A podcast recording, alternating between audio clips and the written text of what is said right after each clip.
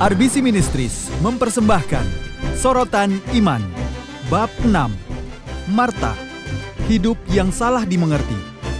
Selamat mendengarkan.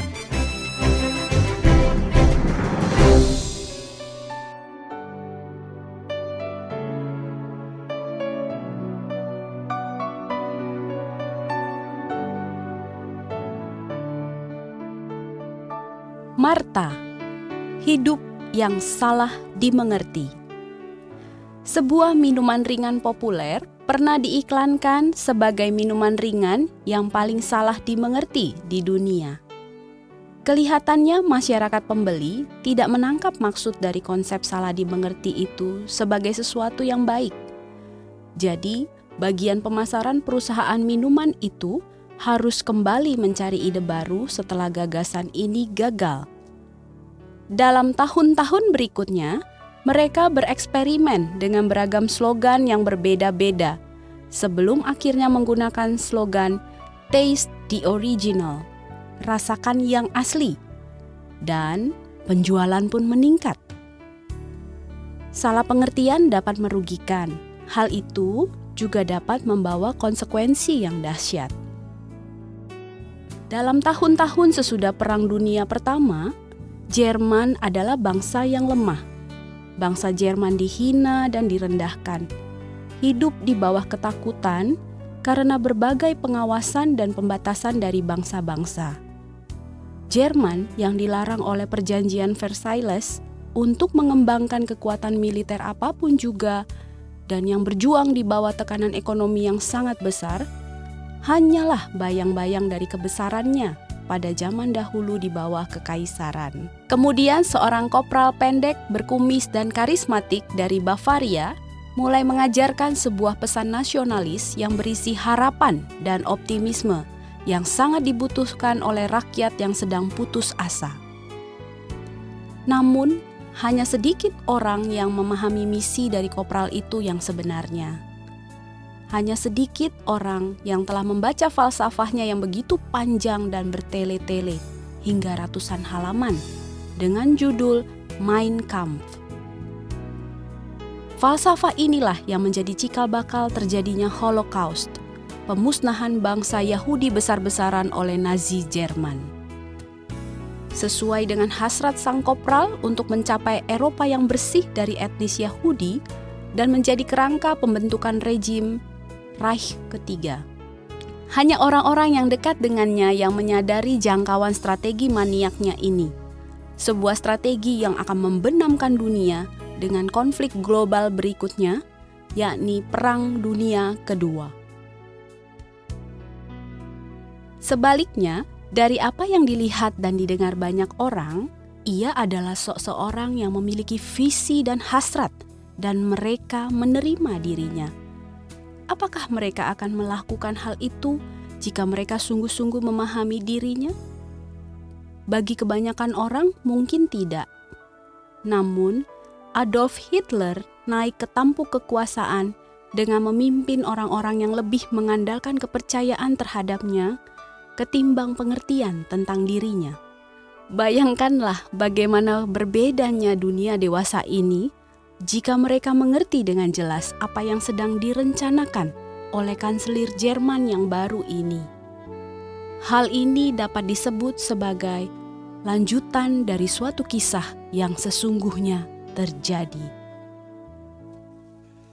Salah pengertian dapat menjadi hal yang sangat berbahaya, dan hal itu tidak hanya berlaku pada peristiwa-peristiwa di dunia Kesalahpahaman Alkitabiah dapat menjadi ancaman bagi kita dan bagi kehidupan gereja itu sendiri.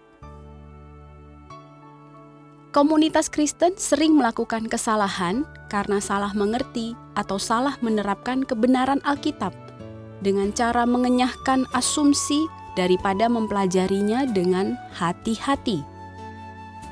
Hal itu biasanya disebabkan karena kita tidak mau berusaha untuk mengerti. Kita menemukan cukup informasi di permukaan untuk menarik beberapa kesimpulan, tetapi kita tak pernah menggali lebih lanjut unsur-unsur di bawah permukaan ini untuk meraih makna terdalam dari kebenaran Alkitab. Dan kita sudah berpuas diri dengan apa yang tersurat daripada mencari yang tersirat di dalamnya. Tentunya hal ini jarang menimbulkan perang dunia, meskipun kadang-kadang rasanya seperti itu di dalam kehidupan sebuah gereja. Tetapi kesalahpahaman seperti ini dapat mengantarkan kita pada penilaian salah yang serius, yang pada gilirannya dapat menyebabkan perpecahan, perasaan yang terluka, dan bahkan sumber daya yang terbuang sia-sia. Seperti yang dikatakan oleh Hayden Robinson, Tuhan telah memberi kita sebuah kompas, lebih dari sekedar sebuah peta perjalanan di dalam Alkitab.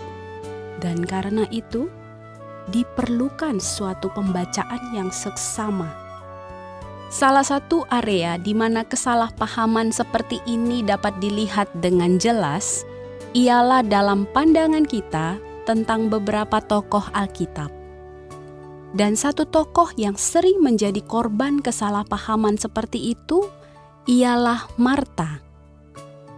Di dalam khotbah dan pengajaran kita, ia hampir selalu dilukiskan dalam perspektif yang negatif namun saya percaya bahwa ia mendapat pandangan semacam itu oleh karena kisah tentang dirinya biasanya hanya diceritakan sebagian saja, membuatnya salah dimengerti dan juga salah dinilai orang.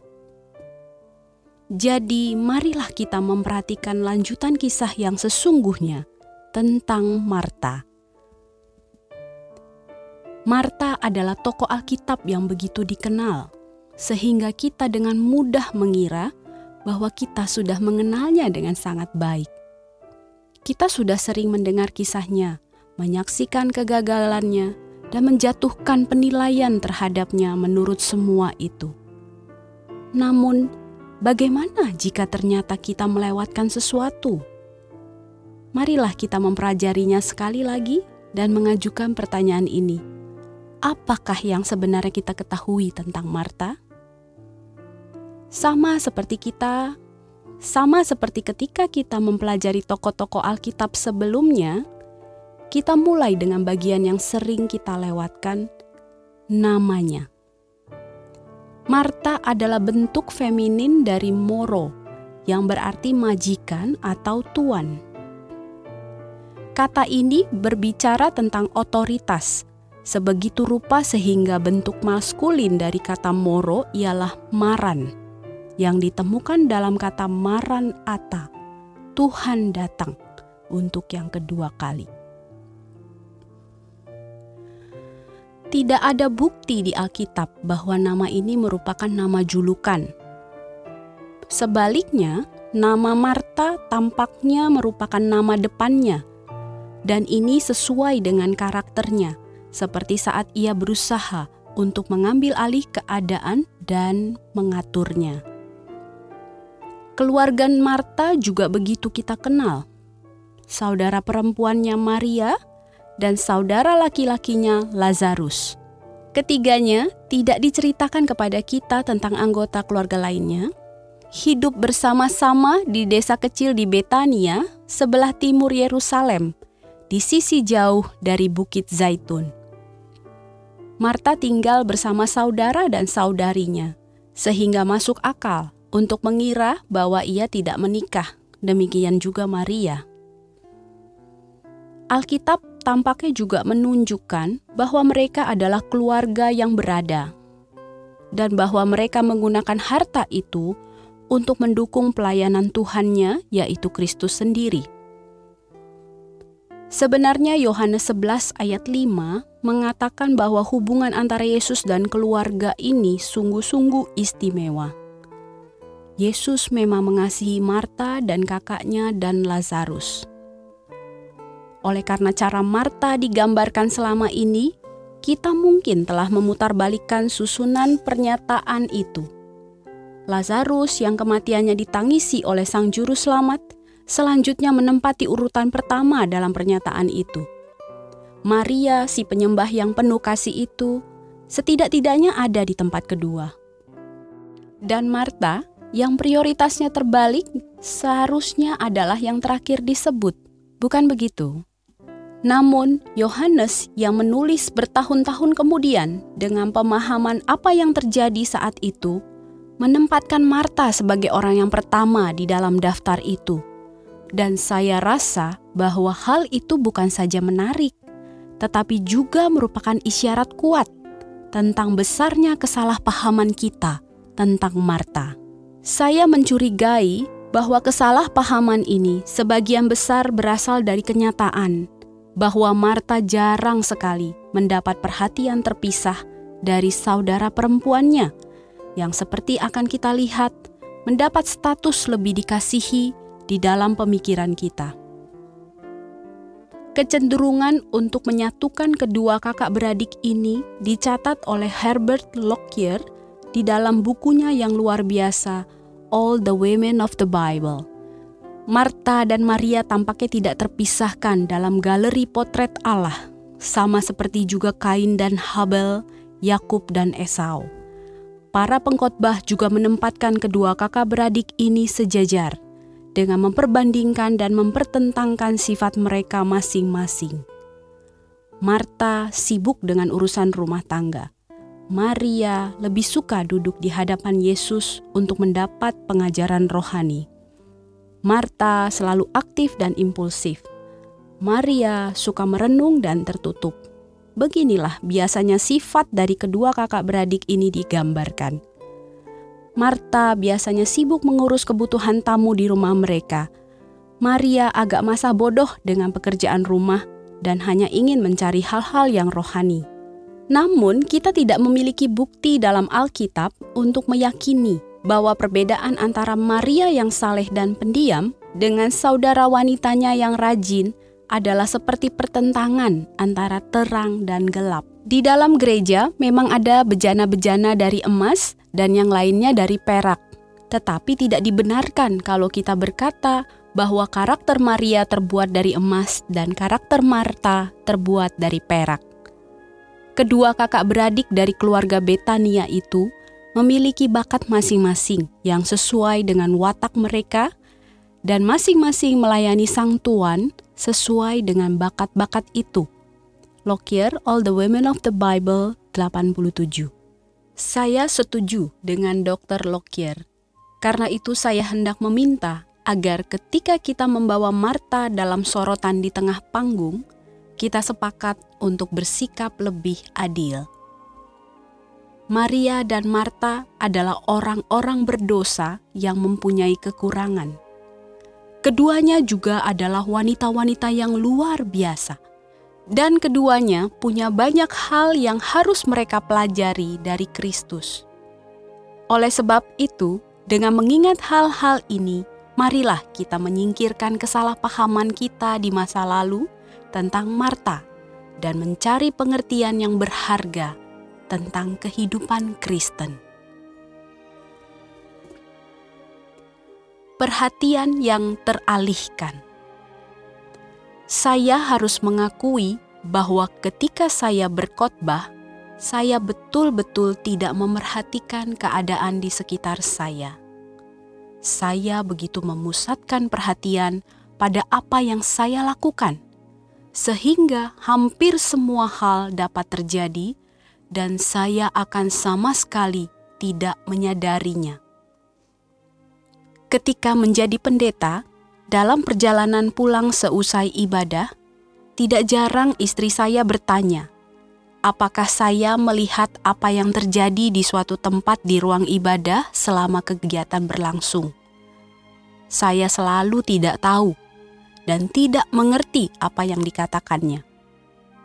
Anda dapat meledakkan sebuah bom di bawah mimbar, dan mungkin saya akan terus berkhotbah, kecuali jika secara fisik saya tidak mampu melakukannya lagi. Fokus seperti ini dapat baik, tetapi juga dapat menjadi masalah. Pada suatu waktu dalam pelayanan penggembalaan saya, saya memerhatikan bahwa istri salah seorang diaken kami tampaknya kurang senang dengan saya dan saya tidak terpikir hal apa yang telah saya lakukan sehingga menyebabkannya marah.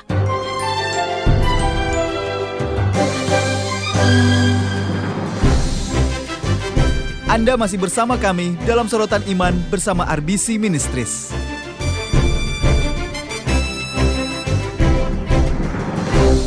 Akhirnya saya tidak lagi berusaha untuk menebak-nebak sendiri dan langsung bertanya kepadanya apakah ia marah kepada saya.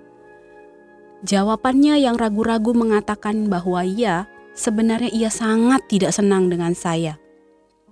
Ketika saya bertanya kepadanya mengapa demikian, ia berkata bahwa beberapa minggu sebelumnya saya berjalan melewatinya tanpa berbicara kepadanya ketika sedang menuju aula untuk melayani kebaktian. Saya tidak tahu bahwa saya telah melakukan hal ini. Saya meminta maaf kepadanya, dan dengan senang hati ia memaafkan saya. Bukan maksud saya untuk bersikap kasar atau dingin, saya hanya begitu memusatkan diri dalam mempersiapkan hati dan pikiran saya untuk berkhotbah dan juga pada khotbah itu sendiri, sehingga sebagian besar hal yang sedang berlangsung di sekitar saya pada saat ibadah pagi itu luput dari perhatian saya. Saya bertanya-tanya, apakah Marta juga mengalami masalah yang sama? Ketika kita pertama kali bertemu dengannya, ia begitu memusatkan diri pada kegiatannya sehingga ia kehilangan beberapa hal yang teramat penting. Ketika Yesus dan murid-muridnya dalam perjalanan, tibalah ia di sebuah kampung. Seorang perempuan bernama Marta menerima dia di rumahnya. Perempuan itu mempunyai seorang saudara yang bernama Maria. Maria ini duduk di dekat kaki Tuhan dan terus mendengarkan perkataannya. Lukas 10 ayat 38 sampai 39. Marta bertanggung jawab untuk melayani tamu di rumah mereka, dan tanggung jawab itu dilakukannya dengan sangat serius. Beberapa orang berspekulasi bahwa hal ini disebabkan karena Marta adalah anak yang tertua, dan spekulasi it, seperti itu patut diperhatikan.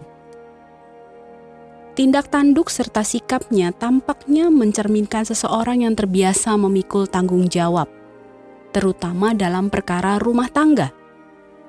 Di dalam kebudayaan itu, seperti halnya dengan banyak kebudayaan di seluruh dunia dewasa ini, nyonya rumah dinilai kadang-kadang dengan berlebihan, berdasarkan keuletan atau kelemahannya di dalam mengurus para tamu di rumahnya. Jadi, Marta bertekad untuk memastikan bahwa Kristus dan murid-muridnya menerima perlakuan yang baik dan sambutan yang layak. Namun sebaliknya, Maria tidak punya prioritas-prioritas seperti Marta. Sementara Marta sibuk menyiapkan makanan dan membuat tamu-tamunya merasa nyaman, Maria hanya duduk di kaki Yesus dan mendengarkan pengajarannya. Di tengah-tengah kesibukannya, rasa frustrasi Marta meluap keluar.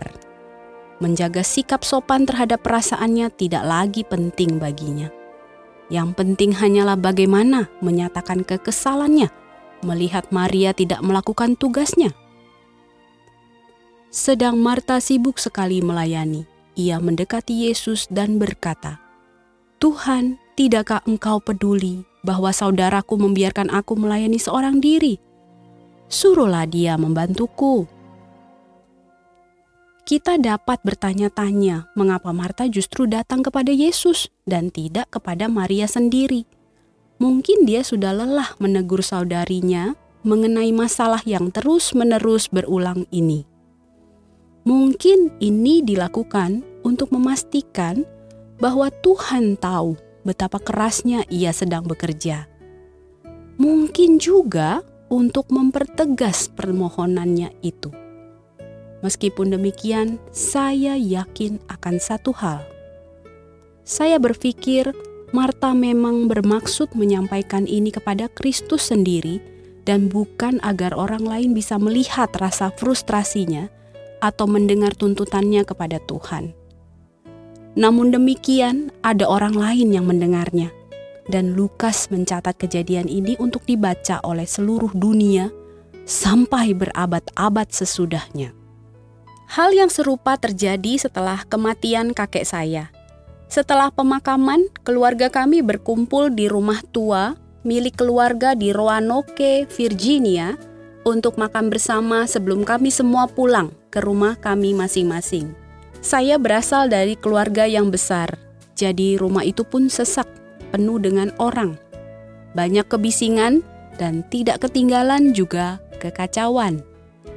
Salah seorang saudara perempuan saya berusaha untuk mengatur setiap orang dengan memberikan perintah dan instruksi tentang apa yang akan terjadi nanti dan alasannya. Namun, semakin ia berusaha untuk mengatur setiap orang, semakin kacau keadaannya. Dan ini meningkatkan rasa frustrasi dan intensitas emosinya. Kemudian salah seorang ipar laki-laki saya menjadi frustrasi juga gara-gara rasa frustrasi saudara perempuan saya itu. Mendengar saudara saya berteriak-teriak memberikan instruksi, ia akhirnya tidak tahan lagi. Tepat pada suatu saat yang janggal, ketika di tengah-tengah kebisingan ruangan itu, tiba-tiba suasana menjadi tenang. Ipar saya berteriak, "Siapa sih yang mati dan menyuruhmu bertanggung jawab?" ipar saya bermaksud agar saudara saya saja yang mendengarnya, tetapi alhasil setiap orang mendengarnya. Kekesalannya begitu kentara di mata setiap orang di dalam ruangan itu, seperti juga kekesalan Marta ketika ia mengeluh kepada Kristus. Meskipun demikian, jawaban Yesus benar-benar mencerminkan kesabaran terutama menghadapi ketidaksabaran Marta. Tetapi Tuhan menjawabnya, "Marta, Marta, engkau khawatir dan menyusahkan diri dengan banyak perkara, tetapi hanya satu hal yang perlu.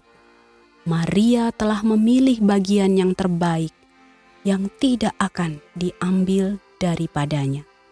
Lukas 10 ayat 41 sampai 42.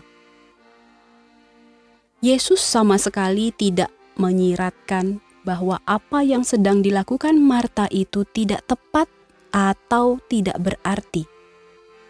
Hanya saja perbuatan itu tidak memiliki nilai kekekalan, seperti yang ditunjukkan oleh pilihan Maria. Maria memilih ibadah, dan satu hal ini harus menjadi prioritas dari semua kegiatan yang dilakukan bagi sesama manusia. Ketika Yesus menggunakan frasa satu hal, ia mengingatkan Marta akan perlunya nilai-nilai yang abadi dengan menantangnya untuk menjaga segala sesuatu tetap di dalam perspektif yang sebenarnya. Yesus memakai ungkapan Yunani yang sering digunakan di dalam Perjanjian Baru untuk menunjukkan prioritas. Markus 10 ayat 21 Kristus menantang penguasa muda yang kaya yang telah datang untuk menyatakan imannya. Di tengah-tengah pernyataan sang pemuda yang mendalam tentang disiplin rohaninya, Yesus mengarahkan fokus kepada hatinya seperti sebuah sinar laser sambil berkata, "Satu hal kekuranganmu, pergilah, juallah apa yang kau miliki, dan ikutlah aku."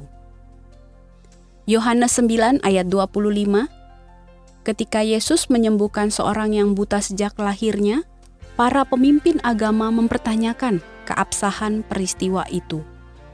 Ketika didesak untuk memberi penjelasan, orang yang dahulunya buta itu hanya dapat menjawab, "Satu hal aku tahu, yaitu bahwa aku tadinya buta dan sekarang dapat melihat." Filipi 3 ayat 13 sampai 14 ketika Rasul Paulus sedang menjelaskan perjalanan misinya kepada para pembacanya, ia memberitahu mereka bagaimana ia telah beralih melampaui asal-usul dan prestasi agamanya demi menjalin suatu hubungan dengan Kristus yang dikejar olehnya dengan segenap hati. Keinginannya, satu hal kulakukan, aku melupakan apa yang telah di belakangku dan mengarahkan diri kepada apa yang di hadapanku dan berlari-lari kepada tujuan untuk memperoleh hadiah, yaitu panggilan surgawi dari Allah dalam Kristus Yesus. Marta perlu menerima makanan rohani yang berasal dari pengajaran Sang Juru Selamat. Setelah pertemuan Yesus dengan seorang perempuan di sumur Yohanes 4, para murid mengetahui bahwa makanannya datang dari melayani Bapa. Apakah sumber makanan Marta? Apakah sumber makanan kita?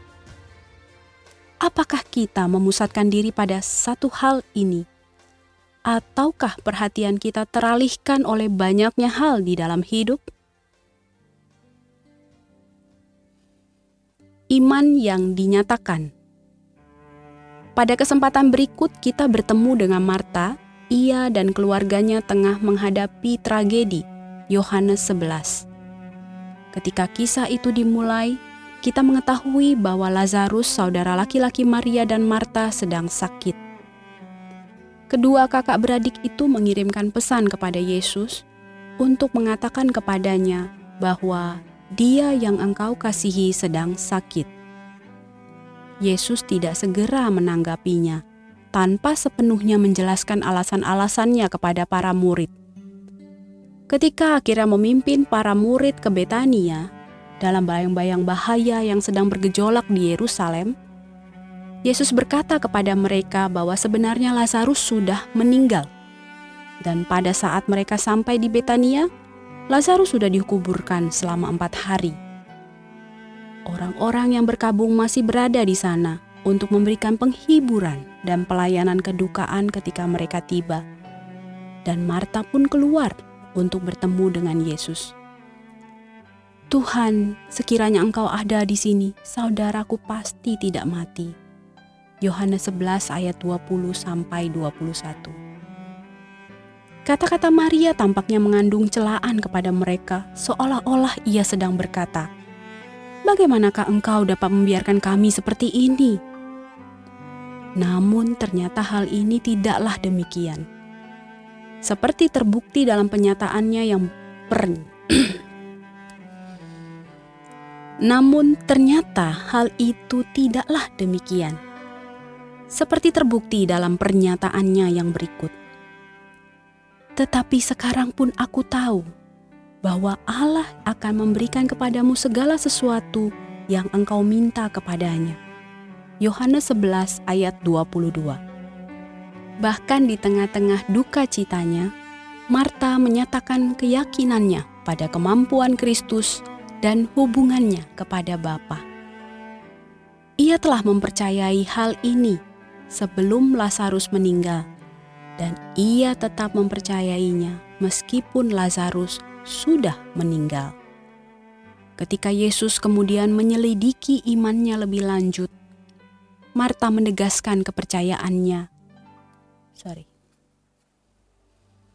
Ketika Yesus kemudian menyelidiki imannya lebih lanjut, Marta menegaskan kepercayaan yang umumnya dipegang oleh orang-orang Yahudi pada abad pertama,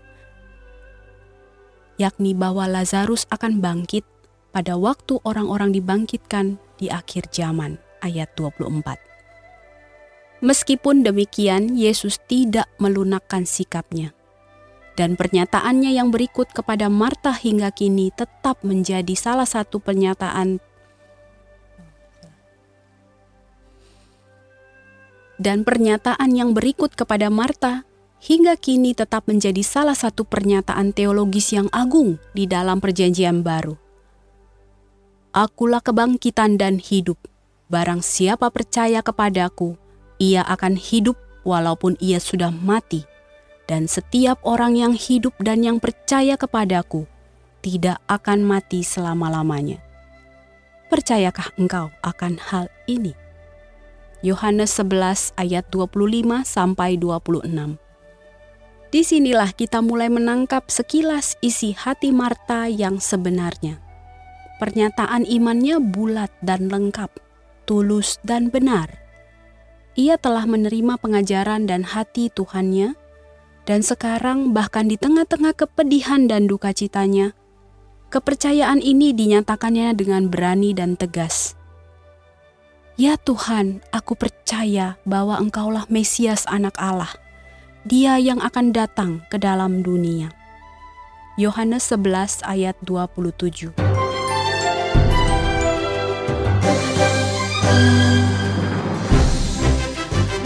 Anda masih bersama kami dalam sorotan iman bersama RBC Ministries.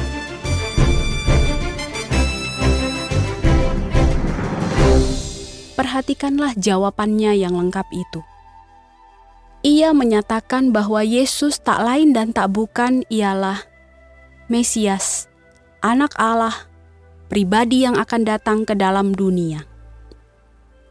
Kata-kata yang luar biasa, pengertian yang agung, pernyataan yang berani. Bahkan, penegasan Marta mengingatkan kita pada pernyataan iman Petrus di Kaisarea Filipi yang mendorong Yesus untuk mengatakan bahwa pernyataan ini diucapkan atas bimbingan Bapaknya. Matius 16 Dalam interaksi Marta dengan Yesus, ia telah menantang imannya, dan dalam setiap kesempatan itu, Marta telah menanggapi tantangan tersebut dengan keyakinan penuh kepadanya. Bahkan kata-kata Marta kepada Yesus telah membawa hubungannya dengan Yesus naik satu tingkat. Sebuah tingkat yang tidak diperoleh Maria ketika ia mendapat kesempatan yang sama. Yohanes 11 ayat 32. Di tengah-tengah pengalaman kehilangan yang sama, kata-kata Marta dipenuhi dengan harapan dan keyakinan. Meskipun demikian, Maria begitu dikuasai oleh duka cita, sehingga semua yang dapat dirasakannya ialah kekecewaan bahwa Tuhan tidak datang pada waktunya. Seperti Marta, ia berkata, "Tuhan, sekiranya Engkau ada di sini, saudaraku pasti tidak mati." Sayang sekali, Maria berhenti di sini. Ia tidak menyatakan keyakinannya atas hubungan Kristus dengan Bapaknya atau kuasa Yesus untuk memutarbalikkan peristiwa tragis ini, seperti yang dilakukan oleh Marta. Dengan Maria, tak ada ungkapan pengharapan yang menyertai ucapannya, hanya kepedihan karena perasaan hampa dan kehilangan. Betapa berbedanya tanggapan kedua kakak beradik ini atas kematian saudara laki-laki mereka. Bagaimanakah atau mengapakah kematangan hubungan Marta dan Yesus dapat terjadi? Menurut saya, dan ada alasan yang baik untuk mempercayai hal ini, bahwa Marta tidak selalu berada di dapur dan bahwa ia menerima teguran halus Yesus di Lukas 10 dan menanggapinya. Marta juga menghabiskan waktu di bawah kaki Yesus, di mana ia mendengar dan memahami pengajarannya dan melakukan apa yang diterimanya di dalam hidupnya. Hasilnya, dalam saat terkelam di dalam hidupnya, setidak-tidaknya dalam bagian hidupnya yang kita ketahui, ia berpaling kepada Yesus dengan iman dan kepadanya saja ia mempercayakan hatinya dan kesejahteraan orang-orang yang paling dikasihinya. Tentu saja, Marta belum benar-benar memahami kuasa Kristus untuk dengan sepenuhnya memutarbalikkan hukum alam dan membangkitkan dari kematian sebuah kehidupan yang tidak bercacat celah. Ini terbukti ketika ia mempertanyakan perintah untuk membuka kuburan Lazarus ketika Yesus memerintahkan mereka untuk menyingkirkan batu penutupnya.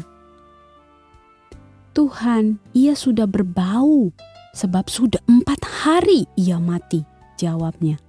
Dan sekali lagi, sifatnya yang berpikir praktis itu muncul kembali. Namun kata-katanya itu tidak mengurangi kenyataan bahwa ia memiliki iman yang luar biasa.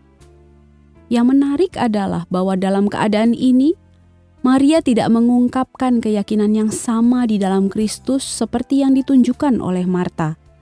Sehingga kita memiliki banyak alasan untuk mempertimbangkan kembali penilaian negatif yang biasanya diarahkan kepada kondisi rohani Marta. Pelajaran yang kita dapatkan dari hal ini begitu praktis dan teramat penting. Jati diri kita sebagai manusia sebagian besar tergantung dari bagaimana kita menanggapi teguran yang dialamatkan kepada kita. Marta ditantang oleh Yesus, dan ia dapat saja menanggapinya dengan banyak cara.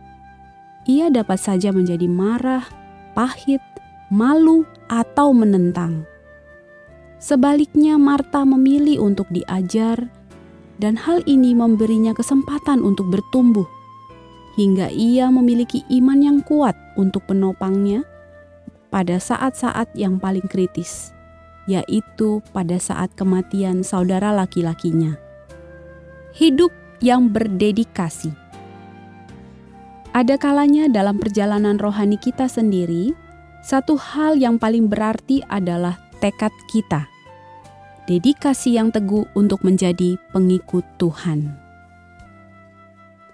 Dedikasi berarti bahwa kita bertekad untuk melakukan apa yang benar, bahkan apabila hal itu tidak mudah, tidak populer, atau tidak diperhatikan orang.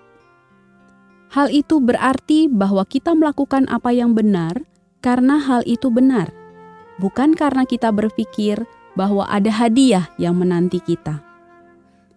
Dedikasi juga membawa kepuasan yang dirindukan oleh hati yang melayani tetapi tidak dengan mengorbankan prinsip-prinsip. Dedikasi menjadikan pelayanan rohani sebagai sebuah sikap ibadah dan bukan aktivitas yang hampa belaka. Kita melihat ketaatan seperti ini ada pada Marta. Teguran Sang Juru Selamat kepadanya menuntunnya untuk memiliki iman yang pada saatnya menuntunnya pada dedikasi. Dalam sebuah pasal Alkitab yang mudah luput dari perhatian kita, kita melihat hasil akhir perjalanannya untuk percaya kepada Kristus. Yohanes 12 ayat 1 sampai 3 mengatakan, Enam hari sebelum Paskah, Yesus datang ke Betania, tempat tinggal Lazarus yang dibangkitkan Yesus dari antara orang mati. Di situ diadakan perjamuan untuk dia dan Marta melayani, sedang salah seorang yang turut makan dengan Yesus adalah Lazarus. Maka Maria mengambil setengah kati minyak narwastu murni yang mahal harganya, lalu meminyaki kaki Yesus dan menyekanya dengan rambutnya, dan bau minyak semerbak di seluruh rumah itu. Dengan cara halus, Yohanes menggambarkan pelajaran-pelajaran yang telah dipelajari Marta selama pengalamannya dengan Tuhan. Ketika kita membandingkannya dengan adegan di Lukas 10, kita melihat beberapa kemiripan yang kuat dan satu perbedaan yang nyata. Kemiripan-kemiripan itu jelas. Sekali lagi peristiwa ini terjadi di rumah Lazarus di Betania. Teks di Yohanes 11 sampai 12 menjelaskan bahwa Lazarus tidak saja telah mencapai status seperti bintang film terkenal dari abad pertama. Ia, seperti Yesus, juga menjadi ancaman bagi para pemuka agama. Mereka ingin membunuhnya karena telah dibangkitkan dari kematian. Yohanes 12 ayat 10. Mereka ingin membunuh Yesus karena membangkitkan Lazarus dari kematian dan membunuh Lazarus karena telah dibangkitkan. Sungguh suatu bentuk ketidakpercayaan yang mengherankan. Namun di sini di rumahnya Lazarus dengan aman duduk semeja dengan Yesus, orang yang dihidupkan bersama Sang Juru Selamat yang memberinya hidup. Yang kedua, sekali lagi sebuah perjamuan pada malam hari. Orang yang telah dibangkitkan Yesus dari kematian sekarang menyelenggarakan perjamuan yang diadakan untuk menghormati Yesus. Hal ini merupakan salah satu upaya keluarga itu untuk mengucapkan terima kasih karena saudara laki-laki mereka telah dibangkitkan, dan suatu upaya untuk menghargai pribadi Kristus. Dan yang ketiga, sekali lagi, Maria berada di bawah kaki Yesus, dan ia mengungkapkan pengabdiannya dengan satu-satunya cara yang diketahuinya. Ia mengambil sebotol minyak wangi yang mahal dan meminyaki kaki Yesus lalu menunjukkan penyerahan diri yang sepenuhnya kepada Kristus dengan menyeka kakinya dengan rambutnya. Paulus menulis bahwa kemuliaan seorang perempuan adalah rambutnya, 1 Korintus 11. Maria menyerahkan kemuliaannya untuk memuliakan Kristus sebagai persiapan bagi kematian dan penguburannya. Yohanes 12 ayat 7. Namun bagaimanakah dengan Marta? Nah, sekali lagi ia sedang melayani, tetapi kali ini berbeda ayat 2. Kali ini pelayanan Marta diberikan tanpa keluhan ia telah belajar dari kesalahannya di masa lampau dan dari imannya pada masa depan. Ia telah belajar untuk melayani Yesus dari dalam hatinya. Ia telah belajar tentang sukacita pengabdian. Marta telah belajar pelajaran yang terbesar dari semua pelajaran rohani, kepuasan di dalam Kristus. Maria mengungkapkan pengabdiannya melalui minyak wangi dan pemujaan. Marta memberikan pengabdiannya melalui masakan dan pelayanan. Tindakan pengabdian Maria dapat dilihat oleh semua orang. Tindakan pengabdian Marta kurang dilihat orang, tetapi ini tidak mengurangi kedalamannya. Seperti Yusuf di rumah Potifar dan penjara Mesir, Kejadian 37 sampai 41, Marta merasa puas melayani di tempat ia berada. Tak perlu digembar-gemborkan atau duduk di barisan depan atau diakui oleh umum. Ia telah belajar bagaimana menjadi bahagia dengan melakukan pekerjaannya di belakang layar dan melakukannya bagi Tuhan. Kepuasan dalam perannya dan pelayanannya telah membawa pengaruh yang mengubah hidup di hati Marta. Ketika saya berkuliah di sekolah Alkitab, salah seorang pembicara di kebaktian kampus kami suatu kali membuat pernyataan yang tegas dan tak kenal kompromi. Banyak di antara kalian di sini belajar untuk menjadi pendeta. Saya ingin kalian tahu bahwa kalian sungguh diberkati dengan luar biasa sebab tak ada panggilan hidup yang setinggi panggilan untuk menggembalakan jemaat. Saya adalah salah satu dari para mahasiswa itu yang belajar untuk menggembalakan jemaat, tapi saya terusik oleh kata-katanya. Saya merasa, dan sampai sekarang pun masih demikian, bahwa panggilan tertinggi yang dapat kita miliki ialah panggilan yang diberikan Allah kepada masing-masing dari kita, apakah itu sebagai pekerja bangunan, ibu rumah tangga, pendidik, pelayan gereja penuh waktu, atau banyak pekerjaan lainnya. Apa pun yang kita lakukan di dalam hidup, tak ada panggilan yang lebih tinggi daripada berlaku setia di dalam tugas yang diberikan Tuhan kepada kita. Saya juga pernah mendengar seorang pendeta berkata bahwa di dalam gereja masa kini kita mempunyai terlalu banyak Marta dan kekurangan Maria saya sungguh tidak setuju. Dedikasi Marta tidaklah kurang daripada Maria. Pelayanan Marta sama-sama menyenangkan hati Allah seperti pelayanan saudaranya. Ia hanya perlu menerima panggilan itu dan menjalaninya dengan iman dan sukacita.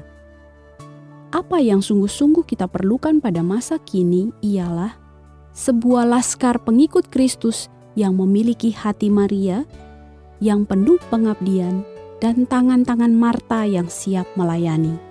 Seluruhnya dipersembahkan kepada Tuhan kita yang hidup. Pengkhotbah 9 ayat 10 mengatakan, Segala sesuatu yang dijumpai tanganmu untuk dikerjakan, kerjakanlah itu sekuat tenaga. Prinsip-prinsip dalam kehidupan Marta Pertama, meskipun kegiatan dan kesibukan mempunyai tempat penting di dalam hidup kita, ibadah harus mendapat prioritas utama. Yang kedua, iman harus mengalahkan situasi-situasi kehidupan yang menghancurkan hati kita. Ketiga, belajar dari teguran merupakan langkah maju yang penting dalam perkembangan kita menuju kematangan rohani. Dan yang terakhir, Alasan kita melakukan apa yang kita lakukan sama pentingnya dengan apa yang kita lakukan, bahkan mungkin lebih penting.